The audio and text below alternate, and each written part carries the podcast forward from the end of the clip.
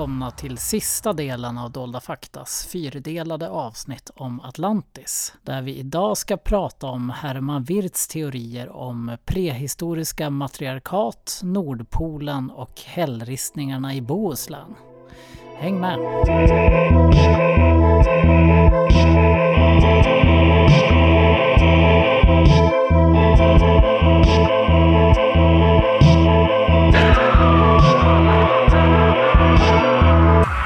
Ja, men då kommer vi även in på ett annat spår som var just nazisterna och Atlantis. Och den här Lantz von Liebenfels, han var ju fullkomligt vansinnig och antisemit, men han var ju före nazismen. Även fast han överlevde den. Men om man ska ta just de som var nazister, varför var de intresserade av Atlantis? Skulle man ju kunna undra. Och då finns det flera tänkbara förklaringar. Dels så hade det fanns behov av att uppfinna ett storslaget förflutet som kunde passa det här tusenåriga nazistiska riket. Italienarna, de hade ju till exempel romerska riket att falla tillbaks på.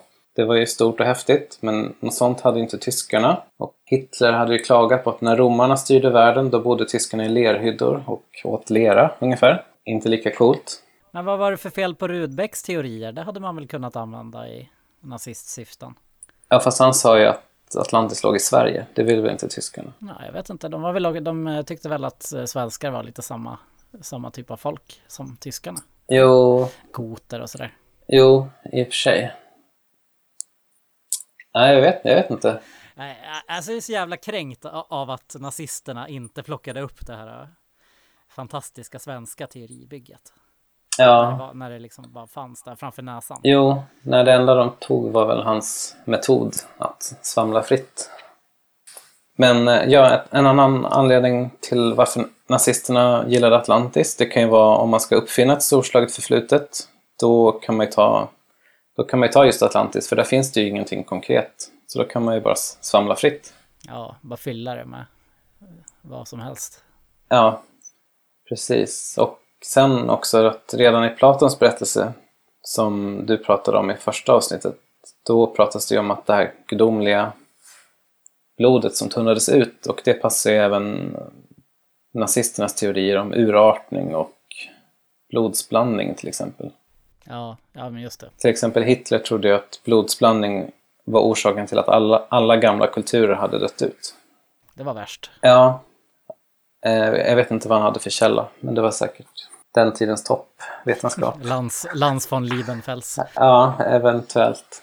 De grundade också en organisation som hette Ahnenerbe, betyder förfädernas arv på tyska. Det var en nazistisk forskningsstiftelse grundad av Heinrich Himmler och Hermann Wirth och Walter Daré 1935. Och det här var en, en del av SS, den här jätteonda organisationen som Himmler ledde. Mm. Och syftet var antropologisk och kulturell forskning om de germanska folkens ursprung. Och någon annan som har skrivit om Annan Erbe under den här tiden där Hermann Wirth ledde att det var en pseudovetenskaplig institution bemannad av akademiker som studerade bland annat näringsinnehållet i olika typer av honung, den okulta symbolismen i Eton-elevernas höga hattar samt, den mys- samt den mystiska betydelsen av bannlysningen av den keltiska harpan från Nordirland. Keltiska harpan. Och de här höga hattarna, de blev man ju nyfiken på så de har jag kollat på bilder på. Men det var ju bara vanliga höga hattar, Jaha. tyvärr. Ja, just det. Det var lite den tidens eh, Bohemian Grove. Eller vad heter det? Skull and Bones då. Eton, Eton-hattar. Ja, det skulle det kunna vara. Men den här Herman Wirth som var med och grundade den här organisationen 1935, han var i alla fall en holländare och har beskrivits som otroligt charmant, älskvärd, energisk, enormt beläst. Kunde citera långa sanskritshymner utan till och resonera i timtal om, om innebörden av religiösa masker hos Yupik-eskimåerna på Alaska. Eller inskriptionerna på otillgängliga dösar på Irland. Tycker jag själv personligen låter som en mardröm att ha en sån att prata med. Men i alla fall, hans beundrare sa att han var en konstnär som fick stenarna att tala. Det var ju vackert. Tala ur röven då eller? Uh, mic, mic drop. Men den här Herman Wirth, han var i alla fall född 1885 i Holland, eller Nederländerna. Men hans far var tysk och lärde honom älska den tyska kulturen och språket. Och sen 1909 blev han docent i holländsk filologi vid universitetet i Berlin. Och här började han också uppträda och kombinerade konserter med tidig holländsk musik med föreläsningar och laterna magica-spel. Han klädde ut sig till medeltida musiker och hade på sig en elegant grön sammetsjacka. Det här tycker jag också låter som en mardröm faktiskt. Han är, han är lite en eh, modern bard. Alltså. Ja, det här låter väl också lite som Olof Rudbeck, en sång och dansman. Ja, precis. Tankens estradörer som vi, som vi brukar kalla Rudbeck och Wirth. Ja, det kan man verkligen kalla dem. Men i alla fall efter första världskriget, då, då kom man fram till att den västerländska civilisationen skulle kollapsa. Och att det enda hoppet var att återvinna det förflutnas sanningar. Här också någon gång efter första världskriget, då reste han genom nordholländska Friesland. Då fick han syn på något som förändrade hans liv. Och vad tror du det kan ha varit? Eh, kan det ha varit en sån där keltisk harpa?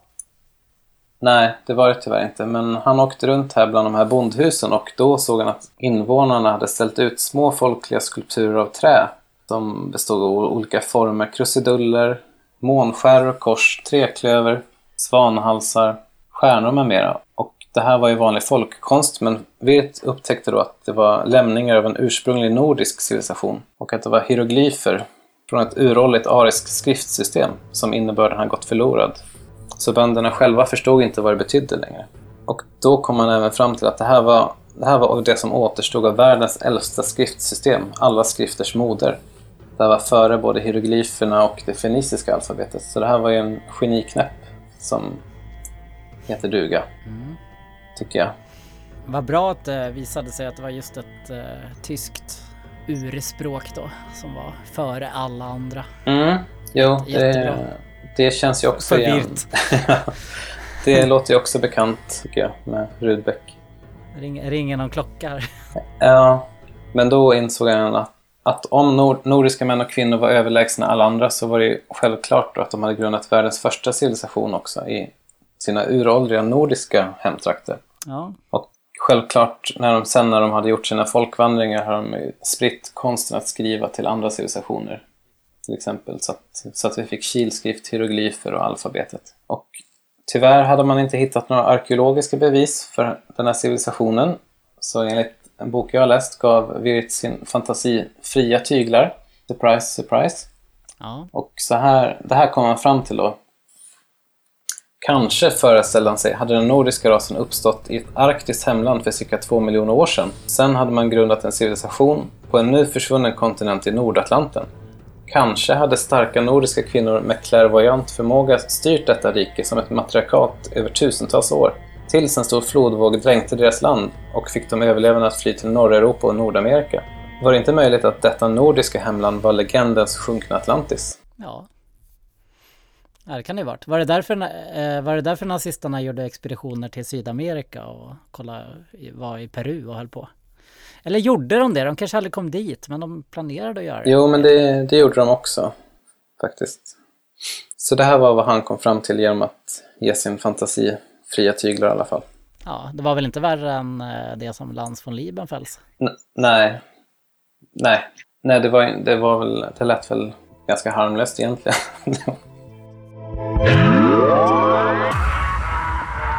Matriarkat till och med, det var ju modernt. Fast nazisterna var väl ganska inne på det där med matriarkat. Eh, ja, det var några.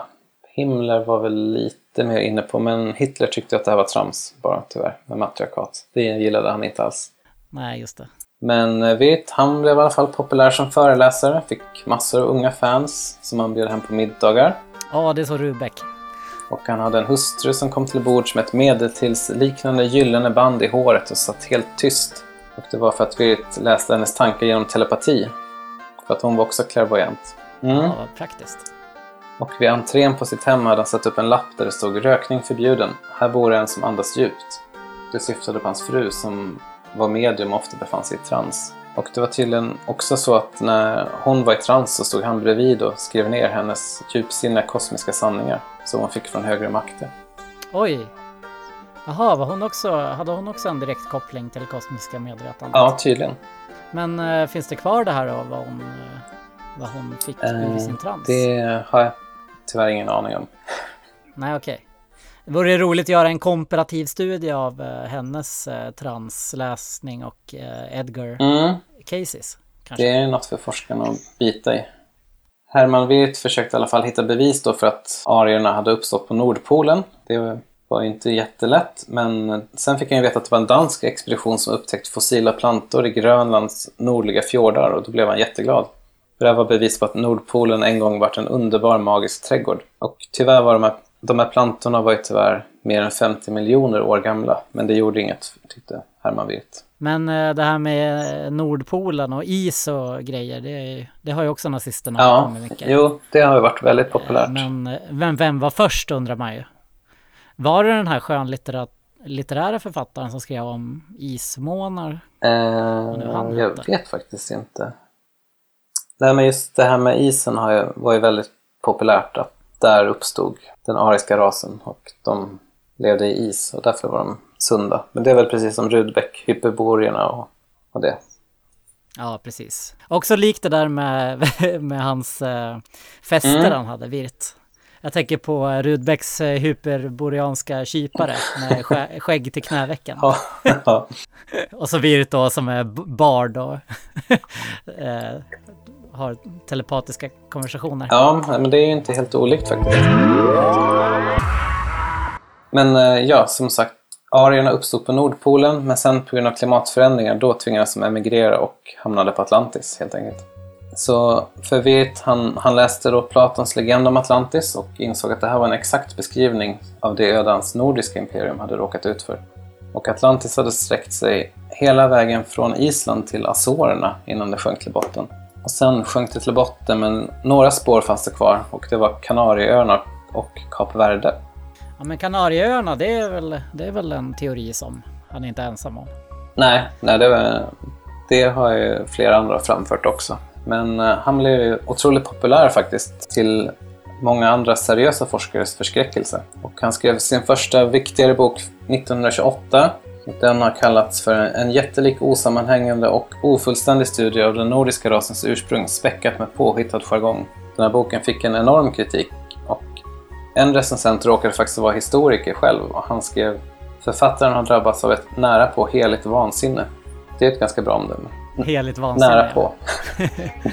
det är ju lite som när man själv eh, forskar om sådana här saker. Att man ibland drabbas av ett heligt vansinne och bara hamrar på jo. bordet. Skriver och skriver. Och... Jo, precis. Men sen var han också inne på kontinentalförskjutningsteorin och även att Knut Rasmussen hade stött på blonda eskimåer under sin Thule-expedition mellan 1906 och 1907. Mm. Och det fick honom också inse att här i norra Atlanten hade uppstått en monoteistisk urreligion för mycket länge sedan. Det var här ariernas urhem låg. Mm. Ja, just det. Sen var det även en svensk som recenserade hans bok 1928. Skrev att det visar oviljan mot vetenskapligt tänkande, ett suveränt förakt för tid och rum. Och hans bok... ja, känns ju igen också kanske. Ja, det känner man igen också. Men sen också att hans bok kallades för en grandios komposition i Rud Rudbeckiansk stil, förhärligande av den nordiska rasen. Ja, det låter ju som, som Rudbeck helt enkelt. Allting hänger ihop och så vidare. Då, 1935, när han blev chef för den här institutionen, då var han i alla fall 50 år gammal och var på höjden av sin berömmelse. Och var även en av de mest kontroversiella historikerna i hela Tyskland. Nu var han säker på att han hade gjort en till avgörande upptäckt att han hade hittat en uråldrig helig skrift från en nordisk civilisation i norra Atlanten. Det här trodde han var världens första skrift och om man bara kunde dechiffrera den här mystiska skriften och avslöja mysterierna i den uråldriga ariska religionen så skulle han väcka Tyskland ur dess olyckliga slummer och göra att landet återfick sin storhet. Okej. Okay. Hans chef Himmler, han letade efter ett nytt religiöst trossystem som skulle ersätta kristendomen sen nazisterna gillade ju inte kristendomen eftersom den kom från Mellanöstern. Och de ville ha en ny statsreligion. Himmler ska då ha sagt att efter kriget kommer de gamla germanska gudarna tillbaka. Och problemet med det här var ju bara att de här germanska stammarna hade ju lämnat väldigt få skriftliga källor om sin religion, så man visste ju väldigt lite. Ja. Så då behövde man ju nya källor och Wirth hävdade då att han satt på en skattkammare med nya detaljer när han hade hittat den här uråldriga skriften. Och den här uråldriga skriften, det var alltså de här hällristningarna som finns i Bohuslän i Sverige. ja, just det. Hällristningarna i Bohuslän. Mm. Det var alltså den här forntida nordiska heliga texten. Brukade Wirth vara i Sverige alltså? Ja, han var i Sverige flera gånger faktiskt. Ja. Okay. Så de här hällristningarna, de påstod han de var ideogram, symboler som används för att framställa idéer och ting snarare än ljud. Mm. Han hade varit i Bohuslän första gången eh, 1935 på en expedition. Då hade han filmat och gjort avgjutningar av hällristningarna. Och nu vill han ju återvända med en stor expedition och göra ännu fler avgjutningar. Det här tyckte Himmler var en bra idé också. Men Hitler, Hitler var inte alls så entusiastisk för att han beklagade, beklagade sig över att Himmler var så intresserad av Nordeuropas förhistoria. För att han tyckte att varför drar vi hela världens uppmärksamhet till det faktum att vi inte har något förflutet att tala om? Sa Hitler och var, var sur. Tänk om det är så att eh, de förlorade kriget för att Himmler drog liksom för mycket resurser på knallhattsforskning. ja, så... En teori jag vill lansera. så vi kanske har virt att tacka för mycket till exempel. ja, jo faktiskt. Du, jag läser här att mm. eh, nej, bara en, en till Rudbeck-koppling att eh, Wirt tydligen var i Stockholm 35 och gav en föreläsning för samfundet Mannhem mm. om Sverige och den germanska andens äldsta historia. Och Mannhem känner man ju igen från svenska titeln på Atlantica. Just det, Atlan... Mannheim. Just det. Just det. det var alltså någon pronazistisk förening. Oj, oj, oj. Mm. Skulle man varit en fluga på väggen när vi ut kanske utklädd till ett bard. Framla lite olika, olika tankar. Jo, precis. I alla fall, Himmler tyckte att det var en jättebra idé med en ny expedition. Att de, de kunde skicka Wirth igen. Då skulle han filma och göra en snygg film om de här hällristningarna. Då, då skulle Hitler ändra sig och bli eld och lågor igen. Slut, sluta klaga. Men eh, Wirth själv hade tydligen ekonomiskt sinne som en sjuåring. Det var, det var inte helt att det här var enligt en av hans beundrare hade sagt det. Inte en av hans belackare kan man ju lägga märke till. Aha. Men eh, då behövde man också, för att göra den här nya expeditionen, behövde man ett officiellt arkeologiskt tillstånd från Stockholm. Från, jag tror det var Riksantikvarieämbetet. Utan det så var det omöjligt att göra den här expeditionen. Men de här tjänstemännen på Riksantikvarieämbetet, de var rasande på Wirth. Sommaren innan hade han ju varit i Sverige eh, som privatperson då, vad jag förstått. Och då hade han även gjort åverkan på några av ristningarna och inte gjort rent dem när han var klar med sina avgjutningar. De hade lämnat kvar gipsformar som satt kvar på hällen och det här väckte ju en stor ilska. Ja, det kan man förstå. Jo. Men till slut, fick han, till slut fick han i alla fall tillstånd för den här nya expeditionen, men bara för norra Bohuslän. För de ville inte att han skulle förstöra platser i mindre kända områden som inte blivit dokumenterade. Men till slut fick han komma dit i alla fall och då kom han till Backa och tittade på de här hällristningarna. Han var i alla fall mest fascinerad av de här ristningarna som föreställer cirklar och linjer för att i hans fantasi var det här den nordiska heliga skriften. Och det han kunde utläsa ur de här hällristningarna det var då att den nordiska rasen, den kom ifrån en fjärran nord när det var mörkt fyra månader varje vinter. Så människorna kände en stark dragning till solen och solens gång vid horisonten hade gett upphov till medvetandet om en gud. Och då hade man skapat en stor kult för att dyrka den här himmelska gudomligheten. Och sen för att markera datum för sina religiösa högtider under solåret hade man hittat på ideogram som sen utvecklats till ett skriftsystem. Och det var de här hällristningarna då. Eh, och de lyckades han då tyda till att de beskrev allt det här. Eh, ja. Uråldrig solkult och eh, att nor... Ja, Okej. Ja, ja, bra. Det Kul! Kunde han, han var en som kunde läsa mellan raderna. Helt enkelt. Sen såg han också en gubbe med utsträckta armar och det här insåg han det här var en symbol för en ursprunglig gudomlighet som man kallas för Guds son men den var tusentals år äldre än kristendomen.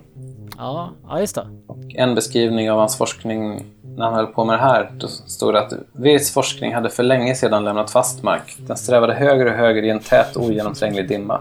Ja, det låter väl som ett ganska rättvist omdöme. Men till slut så ledsnade Hitler faktiskt på det här. Så han uttalade sig offentligt om Ahnen Erbe. Då gav han Hermann Wirth en rejäl avhyvling på partidagarna i Nürnberg. Sågade hans forskning totalt. Och då hade Hitler tappat allt tålamod och han var trött på att Wirth attackerade kristendomen för att även om Hitler ville få bort kristendomen själv så ville han inte att en galning som Hermann Wirth skulle blanda sig in, blanda sig i saken helt enkelt. Sen var det också att han trodde inte ett dugg på det här att fornnordiska civilisationen skulle ha varit ett matriarkat för att det tyckte Hitler var skitsnack. Mm. Oj då, inte lätt för Himmler att höra det här då? Nej, nej för Himmler han hade tydligen kvar förtroendet för Hermann Wirth hela tiden men han kunde inte ignorera, ja Hitler var ju hans chef så han kunde inte ha kvar Wirth som chef för organisationen så de utsåg en ny chef då. Men eh, ja, Hermann Wirth han fick, eh, han fick i alla fall sparken från Annenerbe innan de började utföra fruktansvärda eh, experiment på levande människor och gjorde fruktansvärda saker. Han, han var i alla fall inte inblandad i det för att han försvann från organisationen innan. Så det kanske var tur för honom. Ja. Ändå. Eh, överlevde han kriget då? Ja, nej men han, han överlevde faktiskt kriget. Levde ganska länge. Han skrev en bok 1960, då bröt han faktiskt tystnaden. Som hette Om den Ursin den Menschscheins. Och den boken skulle alltså avslöja människovarets urmening. Men en person som har läst den här boken skriver att löftet infrias inte. Det är en ganska tunn bok med tunt innehåll.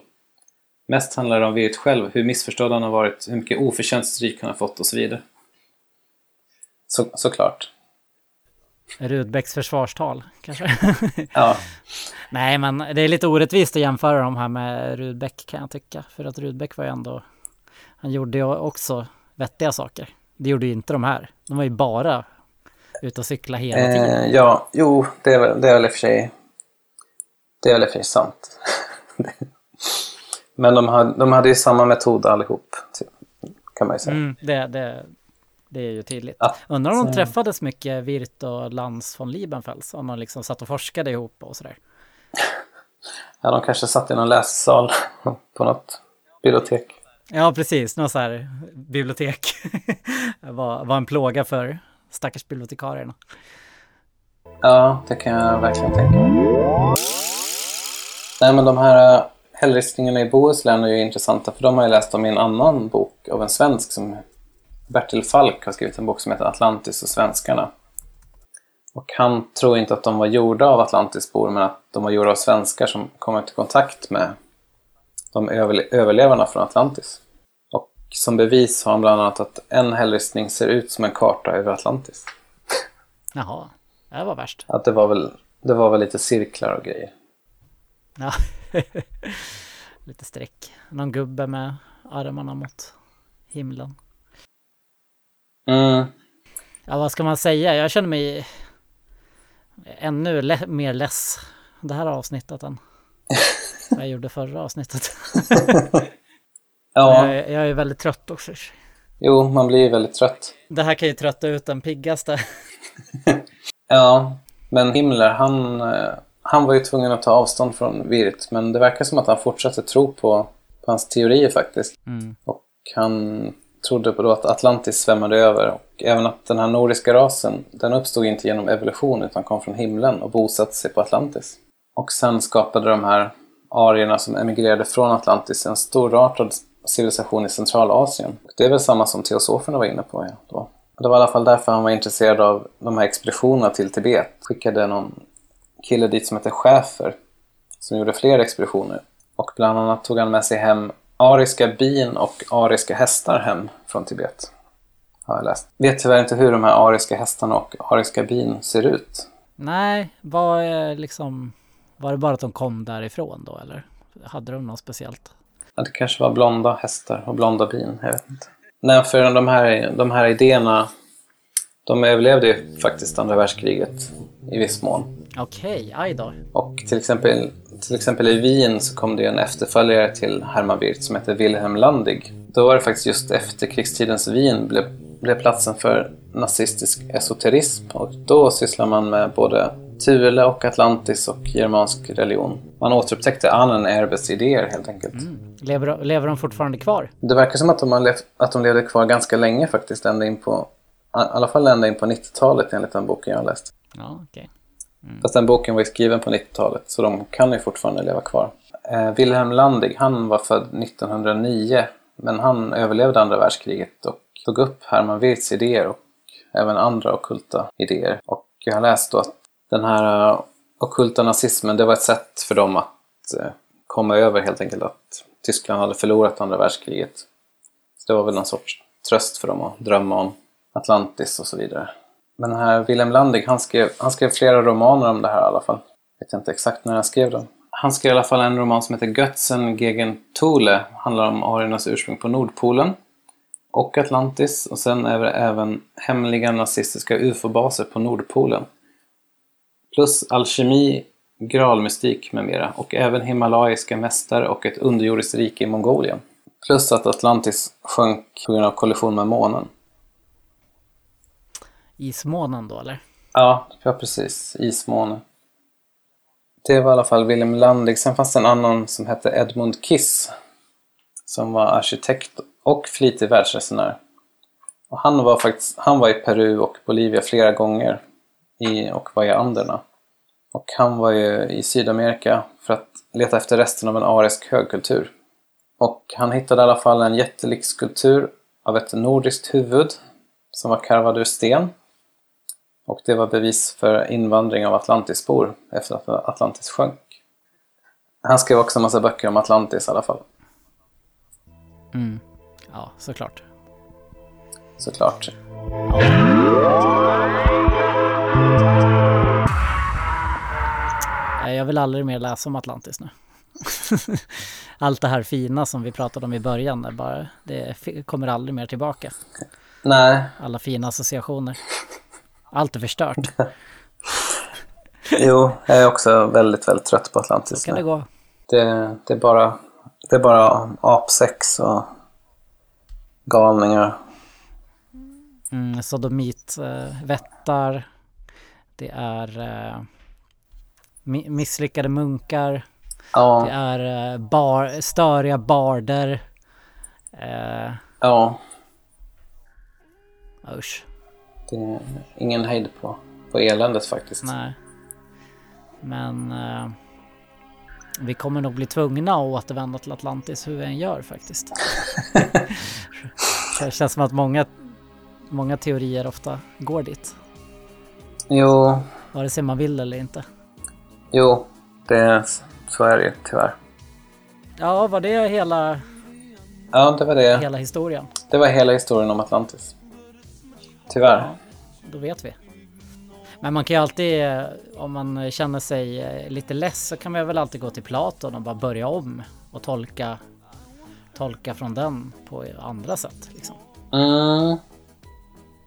Så man bara rensar bort hela den här fruktansvärda nazisthistorien och eh, ja, den, den är problematisk. Och bara köra, ja. Ja, bara köra, köra från början istället med nya klara eller ja, det är svårt att olära det man har lärt sig i och för sig. Det är, det är tyvärr omöjligt. Eh, snart, kanske, snart kanske någon kommer eh, knäcka det här minoiska skriftspråket. Mm -hmm. Så det vore ju, då, då, för då, det har ju många en teori om att det är minoerna som är en källa till Atlantis-myten. Och om inte annat så kan ju de ha mer information om det.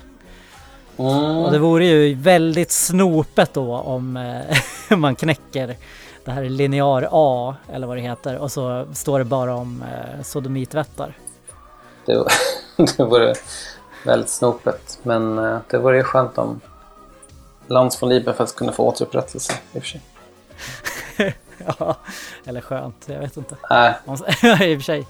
Nej, det kanske Strindberg inte. skulle väl också då få Nej, vill, vill, ta, vill ta kraftigt avstånd från Lans von Liebenfels olika teorier och åsikter. Jo, ja det, ja, det kanske vi skulle ha sagt i början att det här är inte åsikter som delas av oss. Än i alla fall. Nej. Nej, det, det är självklart inget vi ställer oss bakom.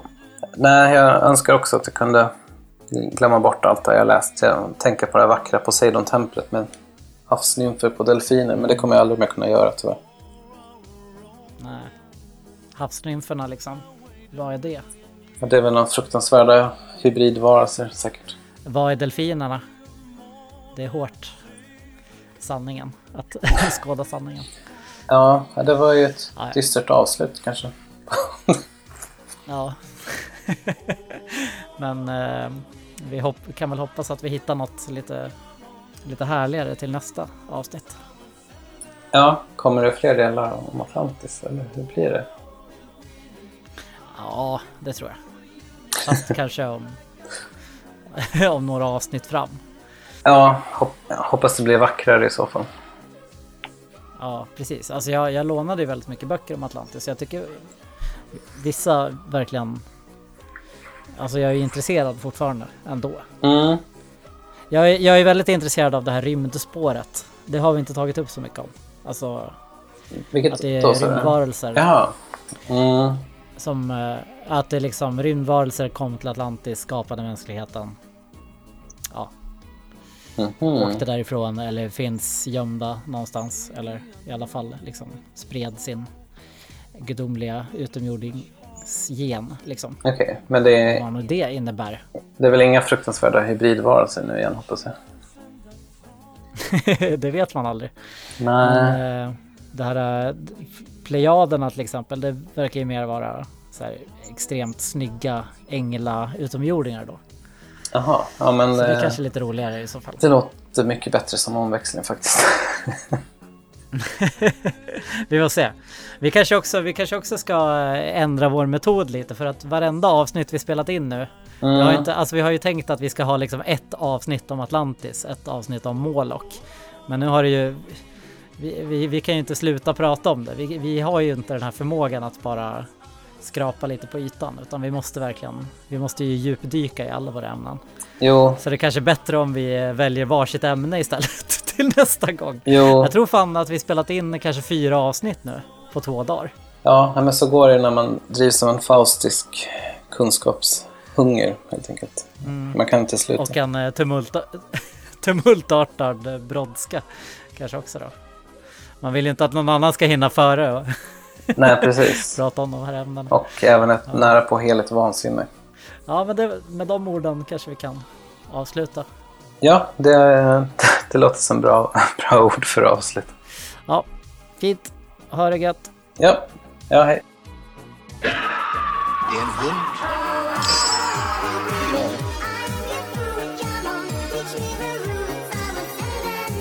Serapis was a high priest in the temple of the Ascension on Atlantis.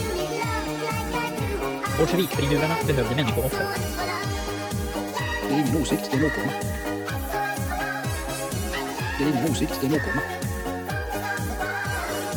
Det är ingen åsikt, det är en åkomma. Det är ingen åsikt, det är en åkomma.